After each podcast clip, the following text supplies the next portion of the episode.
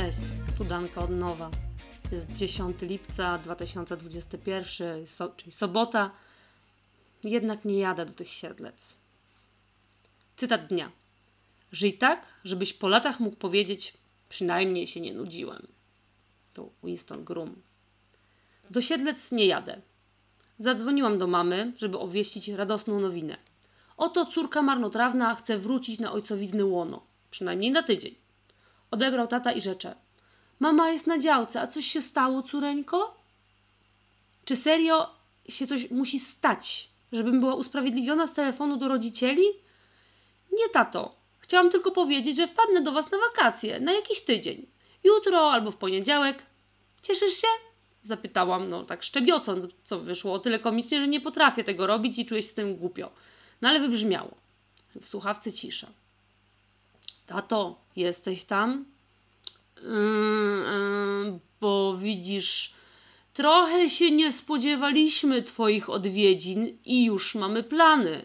Jedziemy do wujka Heńka, wiesz, tego łysawego grubaska, co cię zawsze zaczepiał.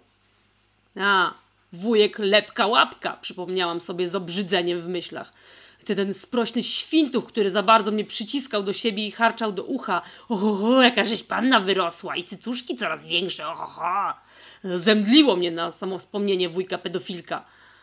No tak, tato, pamiętam wujka Heńka, zwłaszcza jak mnie obłapiał i próbował włożyć łapy pod bluzkę. Powiedziałam spokojnie.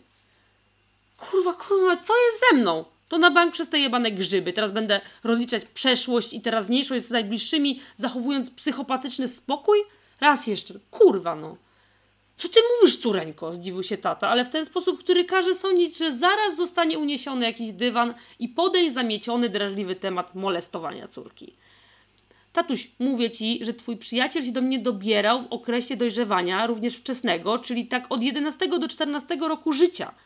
Za twoim niemym pozwoleniem, bo pewnych rzeczy nie dało się nie zauważyć, nawet jakby się bardzo chciało. Potem stałam się na tyle silna, choć ty uważałeś, że wredna i niemiła, że potrafiłam wujka Henka jednym zdaniem przewrócić do porządku. Dlatego stracił mną w końcu zainteresowanie. Ale pozdrów go serdecznie ode mnie. Powiedz, że póki co udało mi się bez terapii. Powinien zrozumieć, o co chodzi. Znowu, mówię na spokojnie, bez spiny. Trochę jakby luźna pogawędka o pogodzie z sąsiadem. No szok. A w słuchawce zapada długa cisza, po czym słyszę przejęte i z bólem wyciśnięte Przepraszam, przepraszam, córeńko. Ja nie powinienem był, ja... I tu ojciec wpadł w taki szloch, jakiego nigdy u niego nie słyszałam. Miejscami to był trochę ryk, ale na ogół szloch. Taki, jakim się płacze z bezsilności, z opadniętych rąk i utraconych szans. I strasznie mi się go żal zrobiło. No nie płacz, tato, to już za nami, czasu nie cofniemy.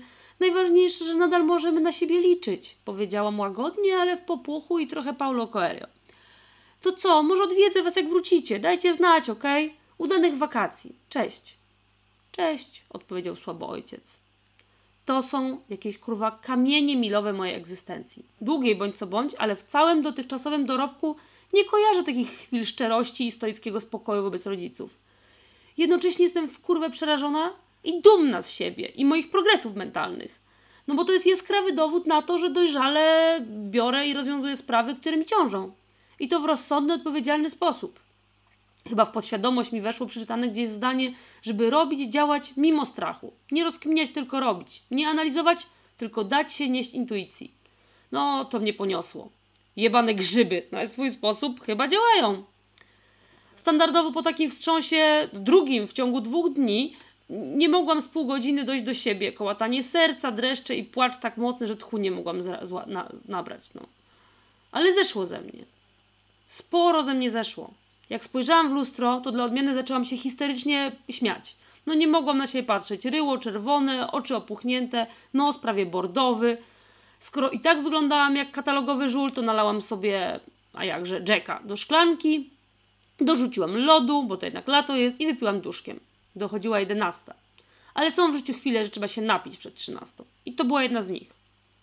Nalałam sobie kolejną szklaneczkę i już wiem, jak to się dziś skończy, ale nie mam wyrzutów. Mam za to urlop.